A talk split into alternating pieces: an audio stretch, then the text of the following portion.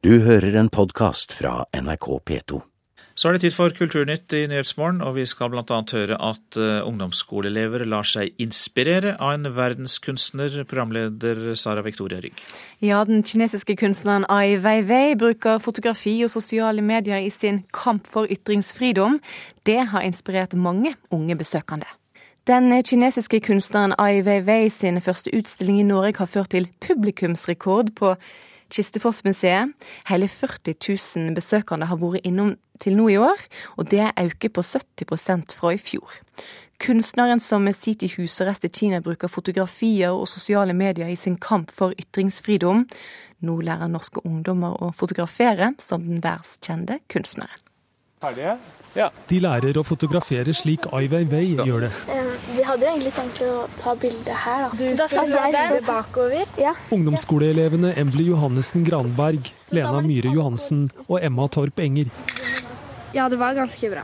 Elevene fra Jevnaker ungdomsskole er fascinert av måten den kinesiske kunstneren har brukt fotografier til å dokumentere urettferdighet og korrupsjon. Jeg syns det er bra at den gjør det. Selv om han ikke har lov, så gjør han det for det. Han trosser loven, så gjør han det han liker best. Nå åpner jeg esker med den nye katalogen vår. Ai Weiwei I mai åpnet den første utstillinga med Ai Weiwei i Norge.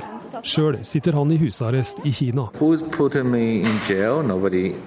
Sa Ai Weiwei til NRK før utstillinga åpna.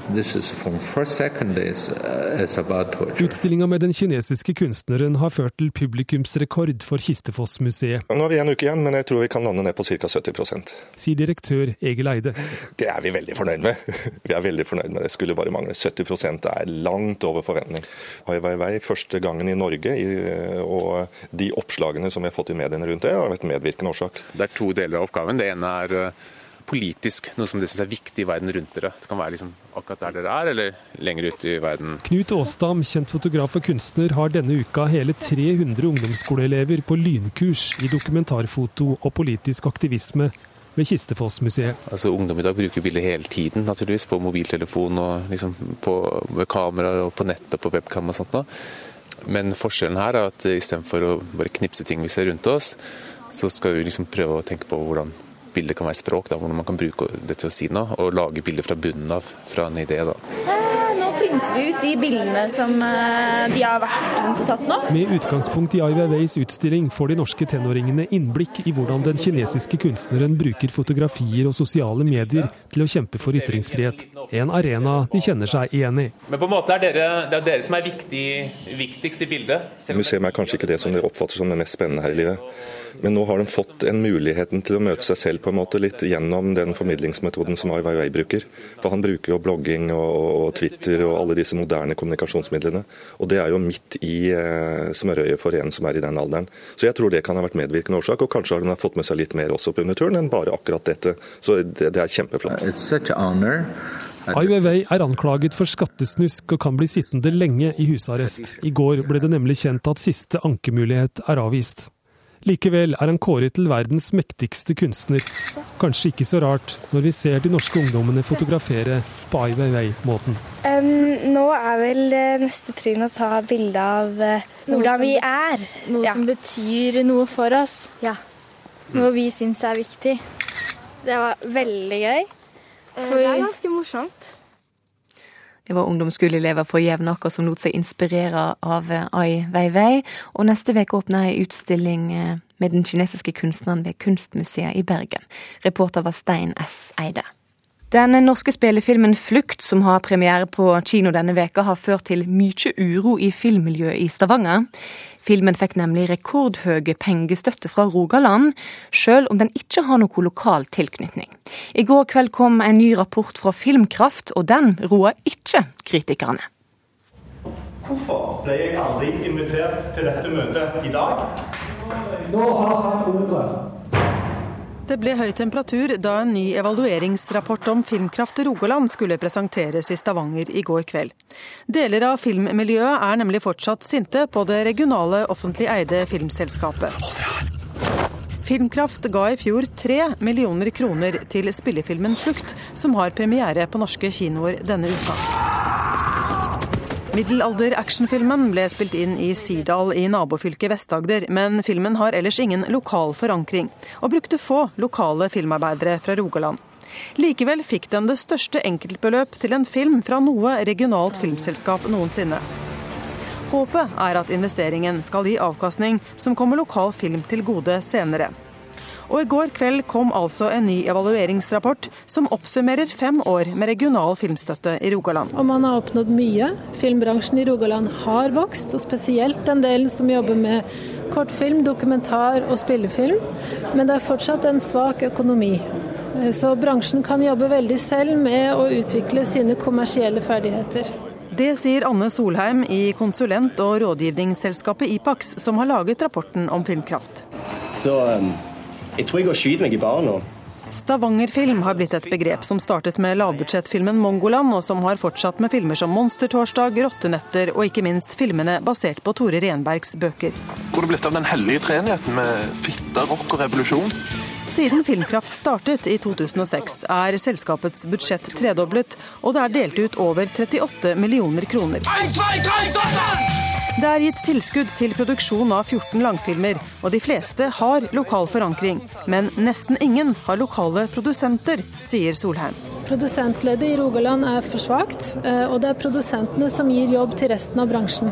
For bransjen kan ikke vokse bare på offentlig støtte. Den offentlige støtten skal stimulere, men så må de utvikle de kommersielle beina sine bedre. Striden som oppsto etter rekordinvesteringen i Flukt, skyldes bl.a. at Filmkraft ikke stiller så strenge krav til utenbys produsenter som andre filmfond om å bruke lokale filmarbeidere. Filmkraft har valgt en annen strategi enn de andre regionale filmfondene. De har valgt en strategi der de har gitt seg selv et større forhandlingsrom. Og det er ikke tvil om at disse eksterne filmproduksjonene de har gitt verdifulle jobber, og de har gitt verdifull erfaring til den regionale filmbransjen.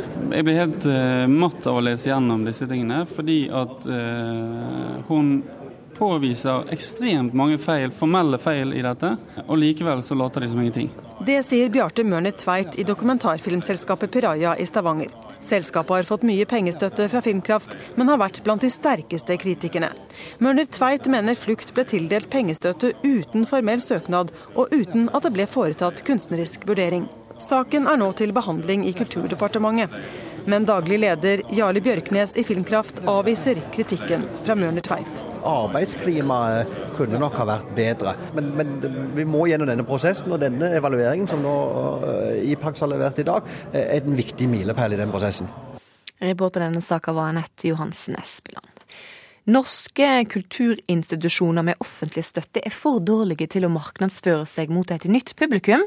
Ifølge en rapport om publikumsutvikling som blir lagt fram i Bergen i dag, vet institusjonene for lite om hvordan de skal få flere til å bruke kulturtilbudet. Mange som står sånn Det er stengt her. sant? Ja.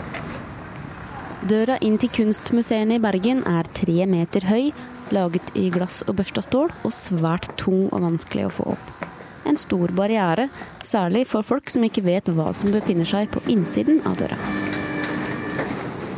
Det er jo vanskelig å si hvem som ikke går her. Sier informasjonssjef Henrik Berg. Ja, vi vil jo at alle skal, besøk, alle skal komme på besøk i et museum. Og for det jobber de hardt og satte publikumsrekord i fjor.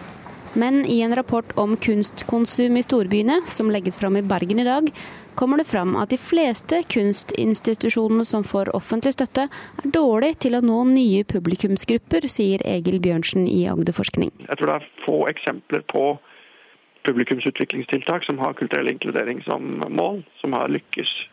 Egil Bjørnsen skiller mellom to typer publikumsutvikling.